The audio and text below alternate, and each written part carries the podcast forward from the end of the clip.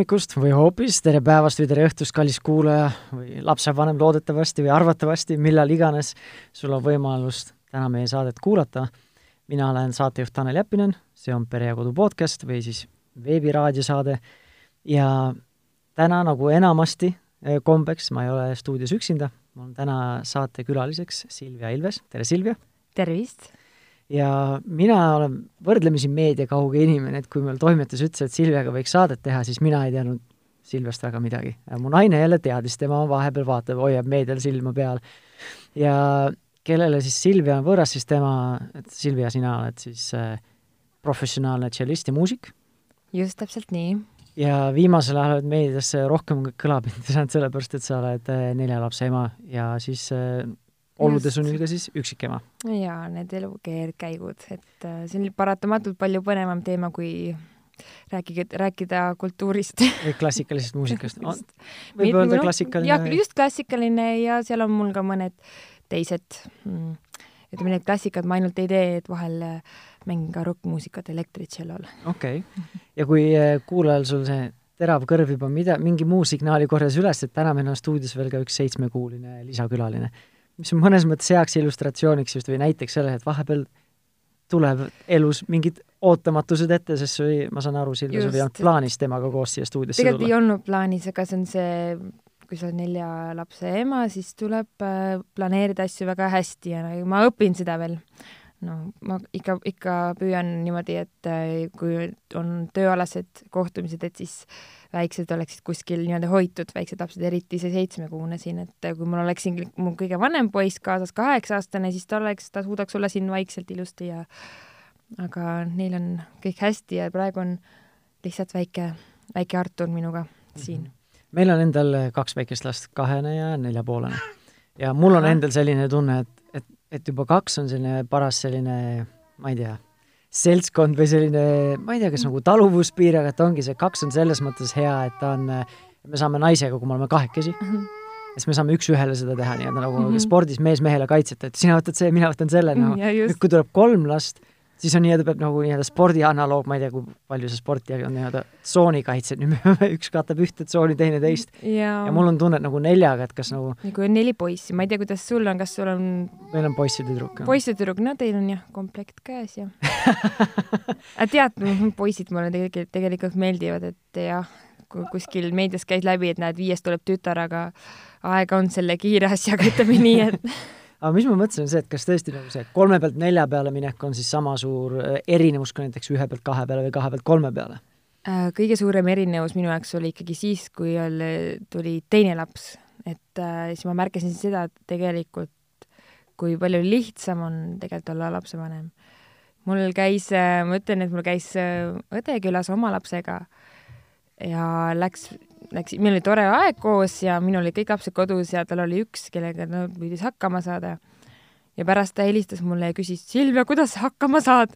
kuidas oli nii palju tegemist, ma ei, ma ei tea, ma ei, üldse ei taha mõeldagi, et kuidas sa üldse hakkama saad. ma ütlesin, et ära muretse, et ma, ma, kui ma hakkan reeglite peale mõtlema või seda, et kuidas peaks tegelikult normaalne naine elama, siis ma ei, selle peale mul ei tasu mõelda. et äh, tuleb lõivu maksta igalt poolt ja energiat peab jaguma ei Sul saa niimoodi. sinuga rääkides tundub, et energiat sul on. mul on rohkem ja see on see, miks ma ei, miks elu on mulle kinkinud need neli võrratut poissi, sest et mul ei piisa olla ainult äh, täiskohaga tšellist, mul peab midagi veel olema.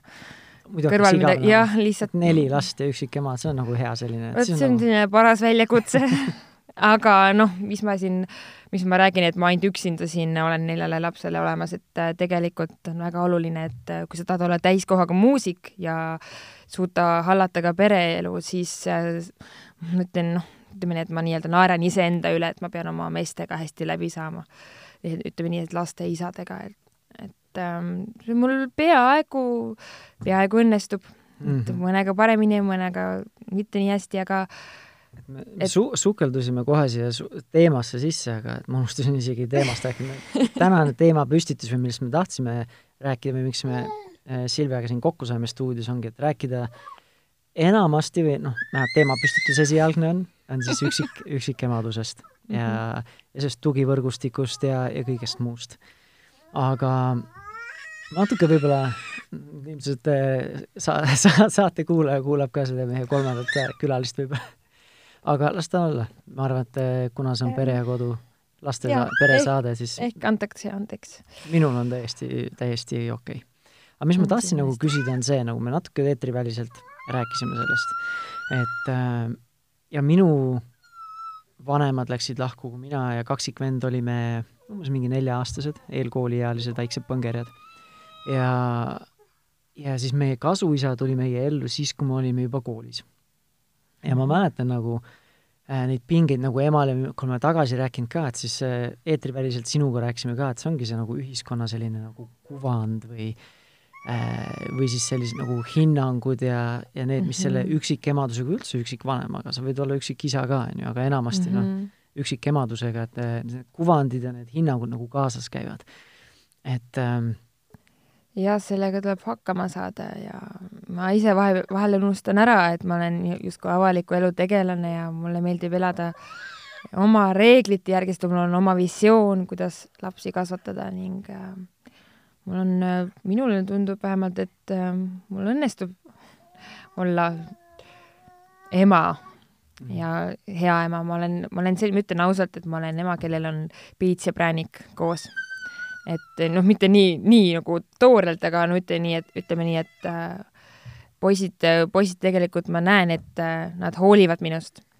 ma võin teha kurja häält ja ma võin äh, neid kallistada mingi hetk, et äh, et kui meil on kodus pahandused, näiteks äh, noh, mul on vaja keskenduda millelegi ja siis ma teen valju häält ja ma pean olema konkreetne, sest kui on nii palju lapsi, sa ei saa lihtsalt äh, ja poistel on see kambavaim tekib, ma ei tea, kas te olete, te te olete kursis sellega, et kui et kui on, mul on väga, väga lihtne, siis kui mul on kaks poissi kodus, see on täi-, täielik, see on nagu puhkus. aga mul on juba kolm, see on, see on see, kui on kahe poole aastane ja kuue-kaheksa aastane, need kolmekesi koos, siis kahepoolene, ta peab nii suurt lärmi, ta peab ennast maksma panema ju vanemate vendade ees. tähelepanu saama. oh jaa, ja siis vot seda ohjata. Ütlen, et see seitsmekuune on siin kõige lihtsam tegelikult ja see kahepoolene on kõige ära sinna, võib-olla see seitsme poole peale kasvab sul võib-olla suurimaks väljakutseks. ei, praegu, ma räägin praegusest olukorrast, et see on, ütleme, üks päev korraga. et aga kui sa rääkisid, sul on endal äh, visioon äh, olla hea ema ja nii edasi, siis kindlasti see visioon, kui sa alustasid, ei olnud see, et sul oleks, et sa oled üksik ema ei, absoluutselt kolme, mitte. kolme erinevat äh, siis äh, isa.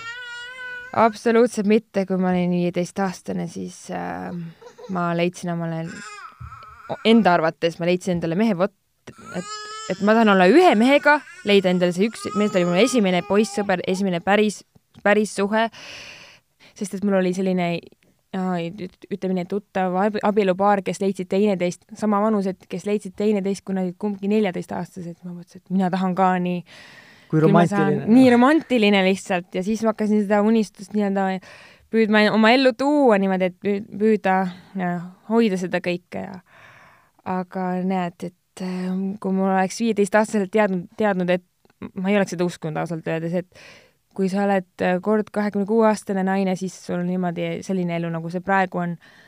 ma ei, siis ma ei, ma ei tea, kas ma oleksin siis otsustanud mingeid teistmoodi mingeid tähtsaid otsuseid või mitte, aga vaata seda elu, et me ette ei tea.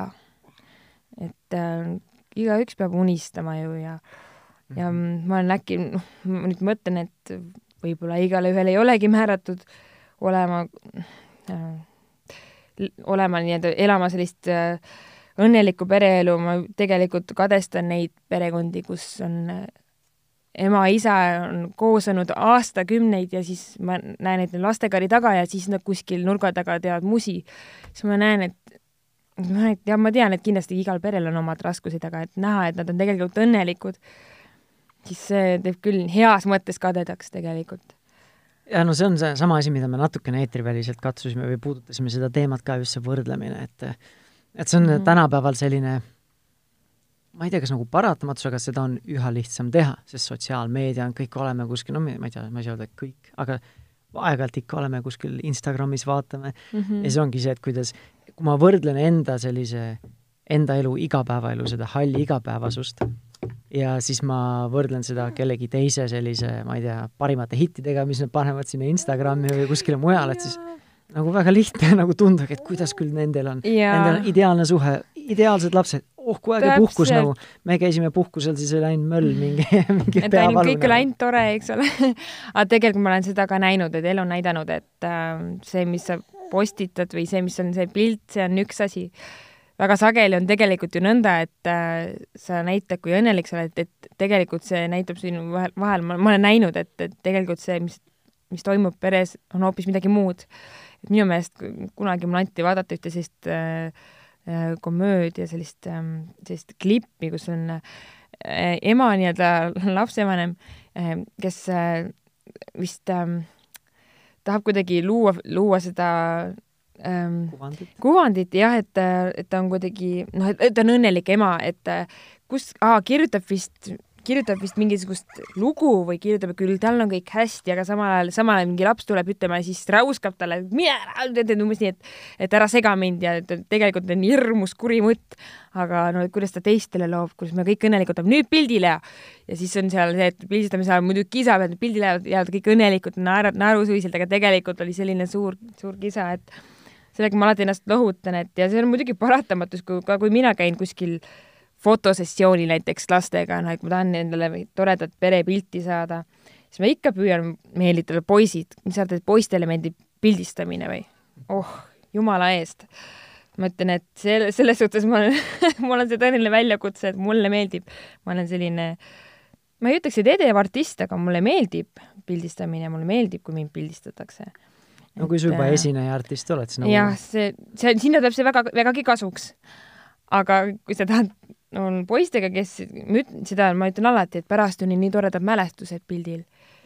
siis on alati, me vahepeal me vaatame poistega koos vanu pilte, siis vaat-, ütleb küll, küll on tore, et tegime pilte. aga alati, kui tuleb mingi uus selline sessioon, fotosessioon, siis tead, see on selline, see nagu hiljuti oli, et äh, tegin ühe fotograafiga, neli last oli seal ja pidime toredad pildid saama, oh, seal oli, stuudios oli voodi ja padjad aa, me läheme padjasõda tegema, siis ma mõtlesin, et ei. Sellest saaks ka vahvad pildid. Jaa, muidugi, aga tead, kutsuda korrale, et vaadake kaamerasse ka, kõik poisid on ammu juba higiseks jooksnud enne, enne kui kõik üldse pihta hakkab. siis püüad no, kuidagi nad maha jahutada ja siis kutsuda korrale, kambavaim juba tekib ja siis tead, kuidagi palud kuidagi and-, andestust fotograafilt, kes püüab ka kuidagi noh, olla ja oma tööd teha ju et äkki saaks mõned pildid ka, mida pärast sulle anda jaa, et on isa... väike, väike selline kild lihtsalt. isana ma nagu, minu arust oleks väga vahva, no ma oleks isegi sinna padjasõtta läinud jaa, ma ütlesin, et teeme ära pildid ja siis võite, aga no katsu sa neid, kuidas kahe poolele, kahe poole aastane, sa ei saa temalt nõuda seda, et ta kõigest aru ju saab Mm -hmm. kui on antud ikkagi selline koht, kus saab ikka joosta palju ruumi, stuudiotes on alati palju ruumi ja mm. -hmm. ma ja. natuke tahaks sellest selle nüüd üksikvanema juurde tagasi tulla, et mina ise nüüd augusti alguses ka oma selles ühes Facebooki grupis, positiivne rahumeelne vanemlus Facebooki grupp, kui sind ei ole seal, siis saate tulla oota, mis grupp? Facebooki grupp Positiivne ja rahumeelne vanemlus, mida ma juhin. ja siis ma seal oli, ma kajastasin seda ja oma Instagramis ka, et mul naine läks siis eh, kolmeks päevaks puhkusele oma õega ja siis ma olin siis nii-öelda ma ei saa öelda, et üksikvanema rollis, aga ma nimetasin siis selle termini siis nagu soolovanema rollis, et ma olen ju soolovanem siis, on ju. ja siis ma kajastasin seda natukene ja siis ma nagu küsisin oma sellest äh, kogukonnalt ka, sest nende nii-öelda selliseid väljakutseid ja võib-olla nii-öelda, ma ei tea, salarelvasid või kuidas siis yeah. nagu hakkama saada üksinda lastega mm. -hmm. ja, ja siis seal oli nagu üllatavalt palju tuli nii-öelda äh, tagasisidet ja mitte nüüd kõik ei olnud üksikvanemad, aga ongi see, et kui sa oled nagu mingi pikema perioodi peal üksinda lastega perioodi, hakkama saada, ma ei tea, kui pikk periood see minu kolm päeva oli ühtegi korda ma pesu ei pise, ei pidanud pesema, korjasin seda hunnikut, sest ma ei viitsinud seda ise pesta. et kui naine tuleb, siis tere tulemast koju tagasi, saad pesu pesta. Aga iga, kõik muud asjad, söögi tegemised loomulikult ma teen ja panen nõud masinasse ja pesen ära ja tolmuimeja ja muud asjad. see on see töö, millest keegi sulle palka ei maksa yeah. aga mis võtab tohutu aja aga kuna ma olin ise, ei olnud väga hästi organiseerinud oma tegevusi, siis ma pidin tegelikult samal ajal veel tööd ka tegema. ja siis meil oligi kolm päeva, kolm tundi päevast oli mul lapsehoidja, siis ma õhtuti, kui lapsed olid magama läinud, siis ma tegin veel tööd arvutis, on ju. Aga üks asi, mis ma siis nagu kogesin juba selle kolme päevaga, oligi just see, et nagu, et et kui sa tõesti oled sellises rollis, nagu mina olin, ütleme, soolovanema rollis või siis üksikvanema rollis, ja sa pead kõikide nende kodumajapidamistega ja lastega hakkama saama ja tegelikult sa pead veel tööd tegema, siis ilma tugivõrgustikuta seda on peaaegu võimatu teha no, või siis ainult enda vaimse tervise arvelt nagu, et siis Jaa, et... pikemas perspektiivis või jätkusuutlikult võib-olla ei ole seda võimalik teha. absoluutselt, minul on näiteks ongi, kui ma panen õhtul lapse magama, siis ma hakkan nautima seda vaikuses koristamist ja toimetamist, noh, tolmuimega muidugi võtta siis enam ei saa. et aga no seda ma vahepeal teen päeva jooksul kuidagi niimoodi, et noh, kas poisid teevad siis kuskil askeldavad omaette, tead, mingi konkreetset mängu, et see ongi see, et võtta see aeg, et äh, see, mida need neli poissi suudavad korda saata, ma ütlen, et selle poiste tuba, mul, see on, eks ma püüan ka, mul, mul on ju tegelikult äh, ema, kes on ju kuue tütre ema ja ja see, see kuulda nagu noh, kuulda seda, kuidas ema ütleb, et näed, poisid peaksid sind aitama ikka rohkem, ei tee nende eest ikka niimoodi ära ja eks ma siis mõtlen ema sõnade peale, siis kutsun poisid, nüüd koristate toa ära. oh, sest toa koristamisest saab uus mingisugune, mingisugune mäng, mis teeb toa veel rohkem sassi, siis kogu aeg käid, üritad, mõtled, et võid nüüd süüa teha. ei, seal tuleb ju, jube palju kisa ja naeru ja kõike. kes keegi saab haiget. ja muidugi siis lähed sinna lahendama seda, et kes tegelikult kellele mida tegi ja lähed sinna nii-öelda politseinikuks, et äh, ikkagi nad te koristavad siis, kui sa ise ka seda teed sealsamas juures et äh, tegelikult nad väga tahavad, et kui kõik, kõik saab tehtud, kui ma ise ka seda no, poistega tegevust kaasa teen, see, mida ma olen neil palunud teha. et aga muidugi, siis saab tuba korda, aga see on ainult võib-olla viieks minutiks, siis ma mõtlen, et lootusetu juhtum ja siis ma mõtlen selle lause peale, mul on poolõde, kes on ka suur, suure, suurest, suur, suur pere peab, ütles, et intelligentsed inimesed kodus on alati segamini, tal ei ole aega, et see korda teha see ei ole nüüd küll mingi vabandus, aga lihtsalt selline, selline naiivne, naiivne mõtlemine noh, lohutus. ootusi peab lihtsalt korrigeerima, et ongi, et kui ma vaatan ükskõik mis ootusi, kui ma lapsevanemaks sain, siis need asjad, mis olid normaalsed ja okei okay, oodata enda elult, eh, oma partnerilt võib-olla ka, ja siis, kui me olime lapsevanemad, et siis need ootused natuke nagu muutuvad mm. -hmm. et ei saa nagu sama asju kogu see, aeg oodata. see, mida sa võib-olla jah, plaanid enne, kui, enne kui sa saad lapsevanemaks, see, kuidas sa plaanid, milline lapsevanem sa plaanid olla, on üks asi, aga see, kuidas tegelikult sul õnnestub, on hoopis midagi muud tegelikult. et äh, tore, kui sul on need visioonid paigas, et kuidas, kuidas sa nagu tahad äh, lapsevanema nagu hea lapsevanem olla ja lapsele parimat soovida. aga no minu jaoks on ka elu näidanud seda, õpetanud seda, et äh, ei tasu väikeste asjade üle probleemi nagu tekitada, et on palju suuremaid asju, mille üle muretseda, sest et kui ma hakkaks iga väikese asja peale, mis igapäevaselt juhtub kuskil, hakkaks, hakkaks sellest kuidagi muret tundma või probleemi tekitama, see ongi see nipp tegelikult, kuidas hakkama saada, ei tasu muretseda üle, sa võid kogu maailma asjade pärast ka muretsema hakata siis lõpp, lõppkokkuvõtteks. mina ei loe näiteks uudiseid, sest et ähm,, sest et see tekitab lihtsalt emotsionaalselt võib-olla noh, võib äh, sind vahepeal rivist välja viia, ükskord ma tegin selle vea, meil sündisid ähm, Äh, meil kodus on neli kassipoega, kes täna said ühekuuseks. Äh, ja kuna, kuna meedia kajastas ähm, äh, seda, et mul oli, kui ma majas elasin oma mehega, siis ähm, me pidime, kõigepealt meil tuli peres otsus, et me peame laiali minema ja siis oli see, et ma pidin majast ära minema. et just see, et ma olen avaliku tele, te, avaliku elu tegelane, see omanikule ei sobinud ma mäletan, ma võtsin, ostsin veel loomaaiast mulda, et ma hakkan nüüd aiaga tegelema. seal oli tore majaaia, kes võtsime koerad eelmisel aastal. ja, ja ma mõtlesin, et ma mõtlesin, ma saan, olgu, ma saan nelja lapse, kahe koera ja ühe kassiga hakkama seal majas, aga sinna majja ma ei saanud jääda. ja siis ma pidin omale uue elamise leidma ja kes see võtab sind äh, nelja lapse, kahe koera ja kassiga sa maksad ennast ogaraks selle eest, et parim, mis mina teha sain paratamatult, oli neljale lapsele ja kassile elamine saada. et äh, koeri ma, koerad ma pidin lihtsalt ära, kuigi need said ühiselt elukaaslasega võetud, aga meedia lõi mind kohe risti ja siis oli selline Facebooki grupp, kus on need vastutustundetud, need loomapidajad. aga, aga, aga mis me siis teeme, et kui korralik hooliv ema, kes on omale lapse saanud, paneb õue magama ja laps, laps tuulehiiliga, vanker, oli selline uudis, vanker äh, kukub tiiki ja laps, laps sureb ära, eks ole, mis me siis teeme selle naisega, mõistame ta hukka või? kastreerime ta ära, et ta ei oska last kasvatada või miks ta ikkagi ei hooli? me ju ei tea kunagi, mis elus juhtub. et ähm, see, see lõi mind riivist välja, ma mõtlesin, et ma hakkaks selgitama, et te ju ei tea mis te arvate, et mul on see hea meel selle koerad ära andsin, võtsin varjupaigast. ja andsin tagasi, et mina mõtlesin, et ma noh, püüdsin kuidagi lapsi lohutada ka, et vähemalt saime ühe aasta koertele kodu pakkuda. See oli selline tohutu aed ja selline vana aed, kus nad panid putku veel ja siis nad äh, seal häirisid muidugi e-, ümbruselanikke, siis me mõtlesime, kas me teeme selle aia korda, aga see ju maja, tegelikult me rendime seda, kas tasub korda teha, et, et sellised küsimused ja siis oi, see oli keeruline aeg ja ma tunnistan, et see oli, see oli, see oli kevad, mis nüüd olid, siis ma tunnistasin, et mul oli mingi hetk, oli küll jõud otsas, sest et see oli kevad, tõi kaasa ju ka laste kooli lõpetamised, lasteaia lõpetamised. mul omal tulid muusikuna tulid väljakutsed, võistlused ja asjad ees, et pidid sellele keskenduma tegelikult. siis ma mõtlesin küll, et jah, et äh, see oli raske, raske periood, aga sealt tulin välja, et praegu on, siis ma mõtlesin, et kõik saab ainult paremaks minna sealt ja kassipojakeste üle oleme väga õnnekad, neli, neli kassipoega, täpselt nagu mul neid lapsi seal on, et võtsime kõik lastega vastu selle sünni täpselt kuu aega tagasi ja ja juba on palju soovijaid, kes tahavad kassipoegi saada ja et äh, see, kuidas see, kuidas inimesed, kes ei tea, panevad sulle sildi külge. et siis äh, vahel ei, ei maksa hakata üldse asju selgitama, sest et äh, vaid neile, kes, kes sind lähedased, kes sind teavad, kuidas asi tegelikult on. vaat lihtsalt, et muist-, just ma mõtlengi, et üksikema, näed, mis, et kolme mehega on neli, neli last, et kes ta selline on, eks ole. et siis öeldi, oh, nähes seda meediat, vaatame, et see on küll hull naine, eks ole, selline poolearuline, kes, kes on küll, kel, kel küll kuskilt käis selline asi läbi, et oi, ta tahaks üldse lapsed ära võtta, sest äkki ta annab lapsed ka varjupaika. mõtlesin, et jumala eest, noh et kassid, kassipoeg kindlasti lähevad varjupaika, pandi mulle silt ja võib-olla lapsed ka panna mingi hetk ära.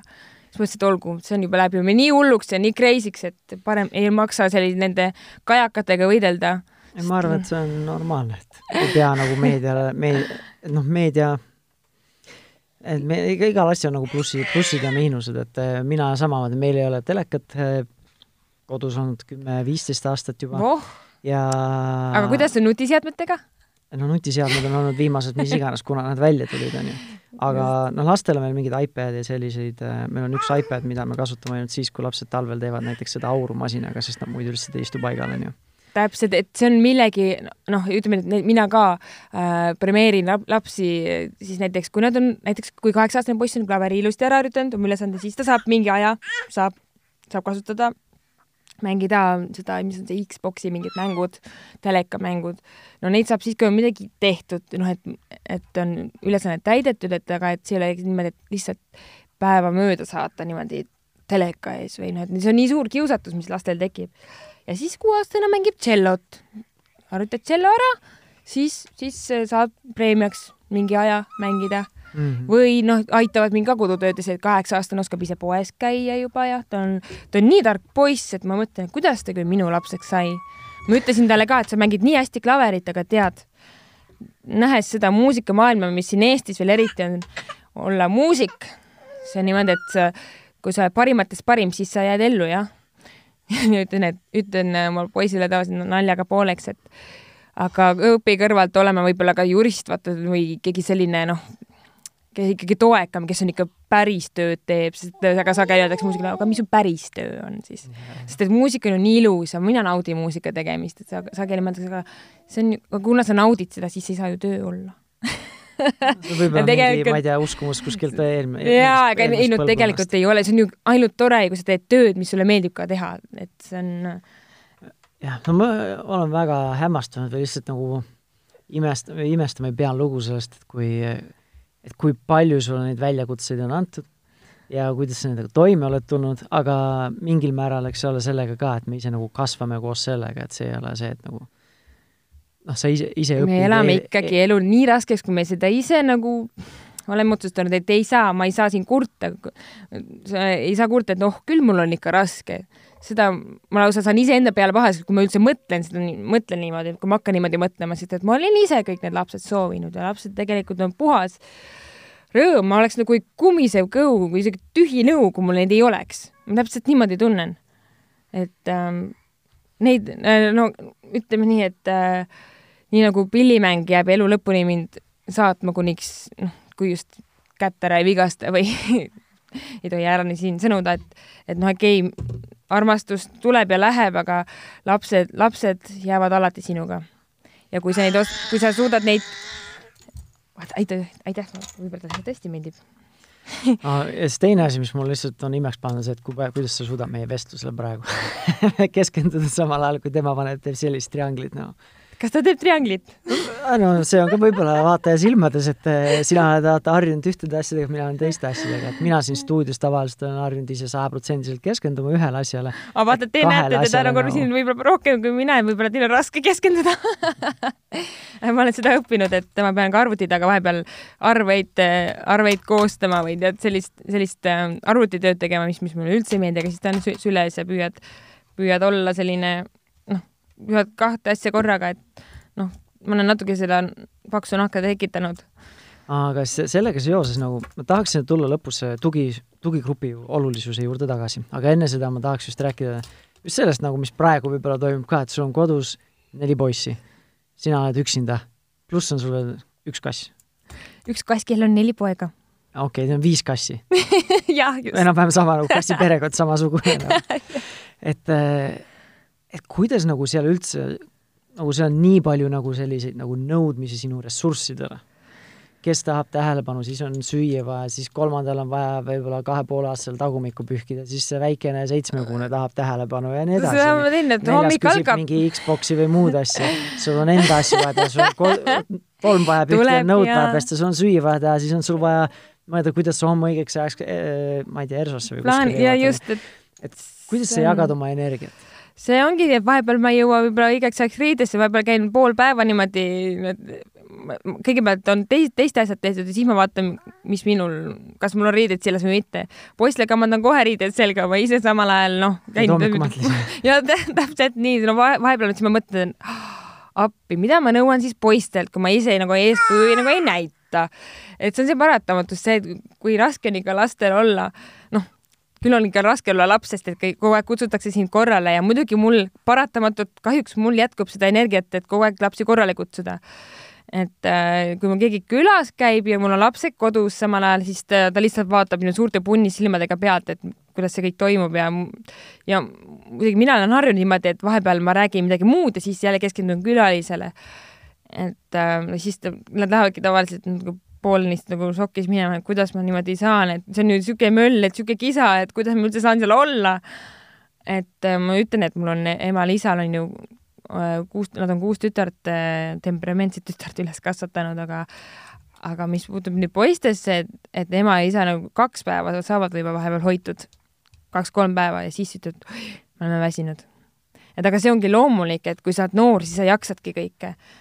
et äh, mul on ka laisklemise momente muidugi ja ma ütlen, ma siin paar päeva tagasi, mul, ma haigestusin, siis ma olin täiesti terve päev, ma olin, ma olin nagu, nagu surivoodil täiesti, aga siis ma, mul polnud häält, mul oli, oli no kurk läks haigeks, siis ma käisin äh, marju korjamas poistega nädalavahetusel, nii tore ettevõtmine, mis pingutasin võib-olla üle ehk, sest et pärast marju, marja korjamist ma läksin, tulid üritused ja lõpuks kõik üritused ja mul see õhtu lõppes kell kolm hommikul ja siis käisin seal igal pool ringi ja siis järgmisel päeval see oli nagu, ma ütlen, et selline tunne, nagu oleksid äh, kõvasti joonud eelmisel, eelmisel õhtul, nagu oleks viina kulistanud, siis tegelikult see oli lihtsalt niivõrd tihe tööpäev. järgmisel päeval sa lihtsalt olid voodis, siis ütlesid laps, lastele, mida kuskilt teha, et klaveri harjutamine käis ka niimoodi, ma seal voodis kraaksusin talle, et kuidas peab ja ja no sundisin ennast muidugi voodist üles, et teha, aga ma olin ainult kodus, ma kuskile välja ei läinud, et ma niimoodi, nii, nii palju ma jaksasin, et sain kodus toimetada, ma ütlesin, et ah, las ta siis olla, et eelmine päev oli jube intensiivne ja siis järgmine päev ma olin lihtsalt kodukana mm. -hmm. et siis ma nagu hindan seda lastega olemist tegelikult veel rohkem, kui see, kui sul on vahepeal tööd nii palju, siis ma lihtsalt võtangi, võtangi kiirel momendil selle aja, et lastega nagu tegeleda, nagu ainult neile keskenduda. aga kuidas see nagu jääb, sina oled ise põhimõtteliselt nagu iseendale tööandja või mm. ettevõtja esi-, artistina või ei ole? oh, no näed, et kas sa see... saad nagu panna tööandjale, noh, kui ma olen, oleksin palgatööl ja siis ma ütlen, kuule, mul on nii pingeline olnud, et nüüd ma kolm päeva ei tule. ei, nii ei, ei saa, nagu ei saa, nii ei saa, et äh, ma lihtsalt imestasin ka, see oli üks, see oli see, kui ma olin surivoodil justkui, oli üks päev enne, kui hakkas nüüd uus see ERSO hooaeg, noh, töö hakkas uuesti pihta. järgmisel päeval mul oli nii hea olla, ma tundsin, mul on energiat ja tegelikult äh, kui ma käin tööl, siis ma, mul ema ütleb, et sa lähed tööle selleks, et puhata. Et äh, lähen tööle, ma saan nii palju energiat, ma saan sellest muusikast, mida ma teen, ma saan nii palju energiat, ma tulen heade mõtetega koju tagasi ja ja ma olen nagu särav, särava ema ja ma olen nagu heatujuline ema, et kes, tahab sellist pahatujulist ema. et Jaa. tegelikult see, see võti, et, et olla, et saada hästi hakkama, olla nii-öelda artist, särav artist ja, ja samamoodi lastele särav ema, siis sa pead ka lubama vahepeal endale sellist aega, kus sa saad äh, olla muu väljundis jah, täpselt, et see ongi see, kui ma käin kuskil, kuskil esinemas, siis tegelikult see ongi minu jaoks tegelikult täielik puhkus ja no võib-olla sina tunned seda, mind, mind ajab see hullult äh, kettasse, kui keegi ütleb, et sa läks, lähed tööle puhkama, nagu see on töö, see ei ole puhkus. see ei ole tegelikult muidugi, aga, aga, ma nõustun sellega, et selline nagu mentaalsete kanalite Mentaalsed- vahetamine no- et sa annad endale mm Mhm. -hmm. vaheldust mm, Mhm. -hmm. et ri- elu, sul on elu lihtsalt vaheldusrikkam, et see kindlasti aitab mingi, noh, annab sulle, mina ei tea, aitab sul täie mõistuse juurde jääda. jaa, et sa ei saa, et tegelikult on see, et kui sa oleksid ainult, kui ma oleksin ainult kodune praegu siin lapsega, siis ma läheks tõesti võib-olla hulluks ka või no tegelikult ma mõtlen, noh, kui ma oleks võib-olla väga õnnelikus peresuhtes, võib-olla siis ma oleks kodune ka tegelikult, et kui ma, kui me peaks muretsema, et mul on vaja leib lauale tuua, siis, siis ma oleks kodus ja ma oleks tõenäoliselt mm, poole, poole, poole suuremakaalulisem ja triigiks pesu ja, ja mm, oi, ma ütlen seda, tunnistan, et pesu ma tõesti triikida ei jõua, sest et poisid iga päev tekib selline hunnik, mul on kakskümmend neli, kakskümmend neli tundi ööpäevas pesumasin ma käib. usun, usun. kui ma lähen nüüd koju, siis ma lähen jälle võtan uue pesu pesumasinast välja. see ongi üks asi, mis ma tahtsin nagu äh, küsida, et et kas sa oled nagu õppinud kogu selle lapsevanema elu käigus nüüd, kui sul on neli poissi, on ju, et nii-öelda õppima, õppinud mingeid asju nagu kergemalt minna lasta või õppinud paremini prioriteete seadma Jaa, prioriteedid saavad küll paika. see ei ole tegelikult nii oluline. see jah, täpselt, olen küll seda õppinud, et äh, kust, kust seda nüüd näidet tuua kui see, kui see elu pihta hakkab küünma, siis, siis tuleb meelde, näe vot, muidu siis tuleb sinu see lause meelde, et siis ma paneks, jätaks selle meelde, et no vot, et, et just äh, Tanel küsis, et, et äh, kus, kus kohas ma neid prior, nagu prioriteete paika panen. aga Et- mis sa ütleks, et see üksikvanema või siis ma ei tea, soolovanema või üksikvanema väljakutsed, mis on need suurimad väljakutsed? võib-olla isegi sellised, mida kõrvaltnäha võib-olla ei oskagi arvata no.. Mm. on midagi sellist Äh, äh,? eks ta muidugi ole ju, et äh, kõigepealt, kui sa tahaksid tegelikult palju rohkem hommikuti magada kui see, mis, mida näiteks oletame, et äh, see, kui, kui sa saad, ärkad hommikul üles sel ajal, kui sul ise silmad lahti teed, mitte ei ärka laste peale üles. vahepeal ikka sooviks ju, et aga ma tegelikult tahtsin veel mõne tunni magada. et äh, no ma arvan, et see on äh,, ma ei tea, kas see on nagu üksikvanema asi, aga tavalises peres on see, et üks vanem ideaalis võib-olla isegi saab kauem magada, üks nendest peab siis üles ärkama, aga siis sina pead alati see üks olema. no ja mul pole muidugi valikut. Et äh, ja siis no on meil on muidugi see, üritused,, mina töötan ise enda jaoks ja siis me vahepeal üks tavaliselt saab magada. rohkem kordasid olen see mina, kes saab hommikuti kauem magada siis aeg-ajalt siis on see, kui ma võtan ise lapsed, kui üks ärkab üles varem ja siis saab naine pikemalt magada. et jah, ma saan aru, üksinda seda tehes sul ei ole seda varianti, sa ei saa kellelegi teatepulka edasi anda. jaa, no vahel on. on näiteks see seitsmekuuse lapse isa nüüd just hiljuti ütles, et noh, et ta tunneb, et ta on kuidagi vähel oma lapsega, et ta tahaks vahel ka oma väikese, väikesega nagu lihtsalt noh, vahepeal ööseks võtta, siis ma no, mõtlen, et aga ta on ju praegu mul rinnalaps, et niimoodi noh, niimoodi ma alati äh, noh, et ma seda, seda nagu lubada alati nagu ei saa, aga ma püüan ka talle, et see on ju tore, et isa tahab lapsega ka aega veeta ja see teine teema, mille juurde ma nagu tahtsin, millest me alguses ka rääkisime, mille juurde tahaksin tagasi tulla, on just see, see nii-öelda see tugivõrgustiku kaasamine. Et ma olen nagu sada protsenti seda meelt, et see ei ole oluline nüüd ainult üksikvanemale, aga see on nagu kõikidele vanematele, kui sa nagu tahad et varasemates saadetes oleme ka rääkinud näiteks paarisuhtest, et kui sa tahad seda paarisuhte aega saada, siis sul on vaja seda aga tuleb, see on väga ümber, oluline, kas sa oled üksikema või oled paaris suhtes, et teil on vaja oma, oma, oma aega ka vahel. et see on äh, ja kellel ei ole seda, see muidugi ja siis lähevad, tulevad, tekivadki pinged, et äh, mulle, ma olen näinud, kuidas on paljulapselise pe- pere ema-isa võtavad aja, et minna vahel kohtingule. Et see on lihtsalt selline, et teha uus nagu restart, et olla jälle värske ja puhanud lapsevanem, et see on see võti, sa võid, sa võid muidugi ka olla niimoodi, et sa ei käi kuskil, ma olen hea lapsevanem, ma ei käi väljas, sest et ma olen ikkagi van lapsevanem, aga siis sa muutud selliseks, sa muutud äh, kibestud, sa põled läbi kiiresti.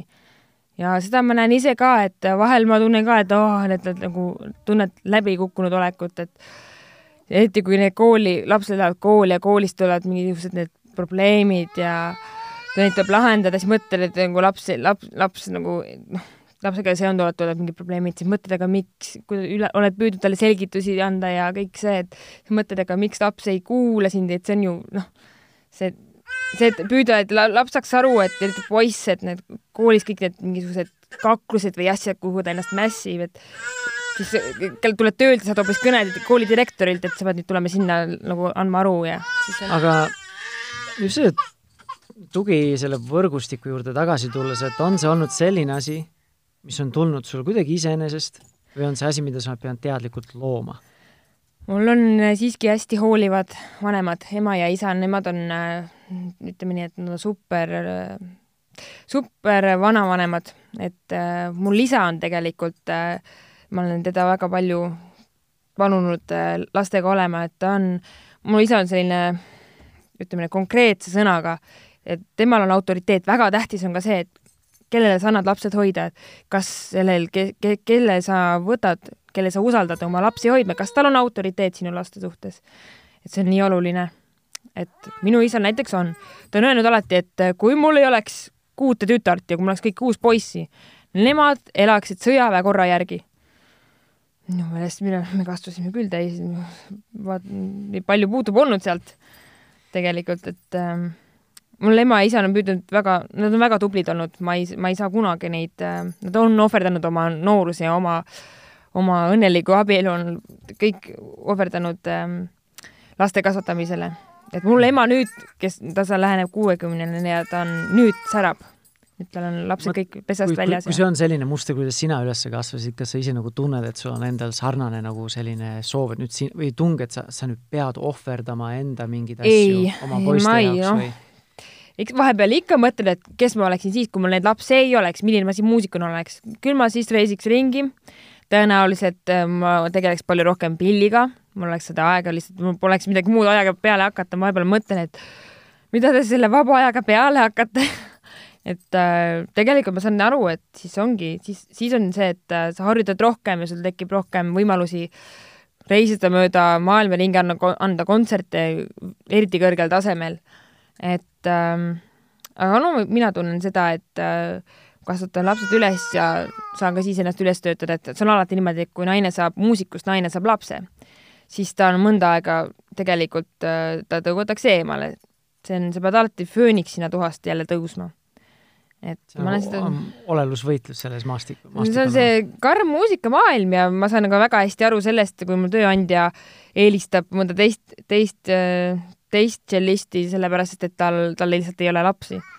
sest et see, see risk, et sa pead mingi hetk lapsega koju jääma, on, et sa näed, ma ei saa täna tööle tulla, sest mul on lapsed, et see on, ma saan täiesti aru sellest. siis ma püüan ka ennast kehtestada ikkagi tõsiseltvõetava muusikuna kui oluline sinu jaoks on see äh, laste ja isade kaasamine enda tugivõrgustikku? See on äh, vägagi oluline tegelikult, et äh, lisaks sellele, et mul vahel saan äh, loota oma, näiteks oma isa abile, kes, kes on vaata pension, pensionipõlves juba praegu, et et kes saab mind nagu aidata väga sageli, kes on tegelikult supernänni, ma ütleks, tõesti väga hästi äh, oskab lapsi kehtestada või neid äh,, neid ohjata. Aga siis on ikkagi tõesti ka laste isad, et väga keeruline on muidugi see, kuna mul on, ma olen ise muusik ja ma, ma õpetan lastele muusikat ja ja et äh, need, äh, kes ma olen valinud oma laste isaks, ei ole muusikud, et, et nad hindaks ka seda, et kui, kui nad vahel nagu lastega on, et siis lastel no suurte, suurematel on juba noh, kaks suuremat poissi, nende isa, tema, nende isale tuleb selgeks teha, et äh, et muusika on oluline ja et see, et selleks, et seal selle, sellega olla edukas muusik või noh, et õppida seda professionaalselt, siis on, tuleb selle, sellega igapäevaselt tegelikult tegeleda ja nüüd mul on hea meel, et et ma sellest aru saanud, mul vahepeal olid sellised eriarvamused ja see on, see on ainult tore, et ma ikkagi õpin, et iga, igaühega tuleb erinevat moodi suhelda, nii, nii nagu iga inimesega tuleb iga inimene, igale inimesele tuleb läheneda omamoodi mm. -hmm. et äh, mul on tegelikult jah, hea meel, et äh, see on minu väga suur soov, et äh, ma ei peaks kaklema kohtu, kohtu kaudu käima, saama mingit kokkulepetele mingite asjadega, et ma olen sellest praegu pääsenud ja mul on hea meel selle üle. et äh, mul on nii, et ütleme, et mul, mul, et nad ikkagi, laste isa nagu ikkagi hoolivad minust või noh, püüavad aru saada. et, et see on kuskil kaklemine ei too kasu mitte kellelegi mm. -hmm ja, ja praeguseks ma saan nii hästi läbi oma kõigi, noh, see kõige e-, kahe esimese lapse isaga, et me oleme nagu õde ja vend, et see on ainult tore, et ta vahepeal viib, no ma ütlen siin suvel, ma naersin ka endale, et, et kui ma ütlesin, et mulle tahaks lastega randa minna, et võtta selline aeg, sõidutas meid randa ja ajasime juttu ja tore, tore oli nagu olla, et ta, ta oli nagu abiks, muidugi ta saab aru, et siinkohal ongi see, et um, mõni mõtleks, et miks te nii hästi läbi saate, kas teil on midagi omavahel, ei ole. me lihtsalt peame hästi läbi saama selleks, et ellu jääda. siis tulebki hästi läbi saada, sest et sealt võidavad kõik.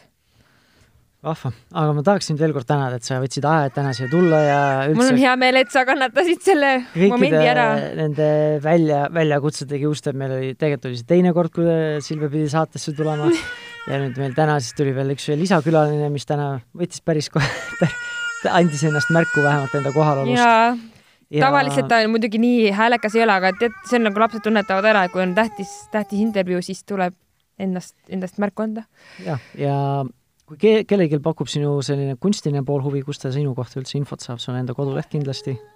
jaa, koduleht, vot seda ma pole jõudnud täiendada, aga eks ikka ma noh, sotsiaalmeedias kuskil Silvia Ilves jah, see, leiab.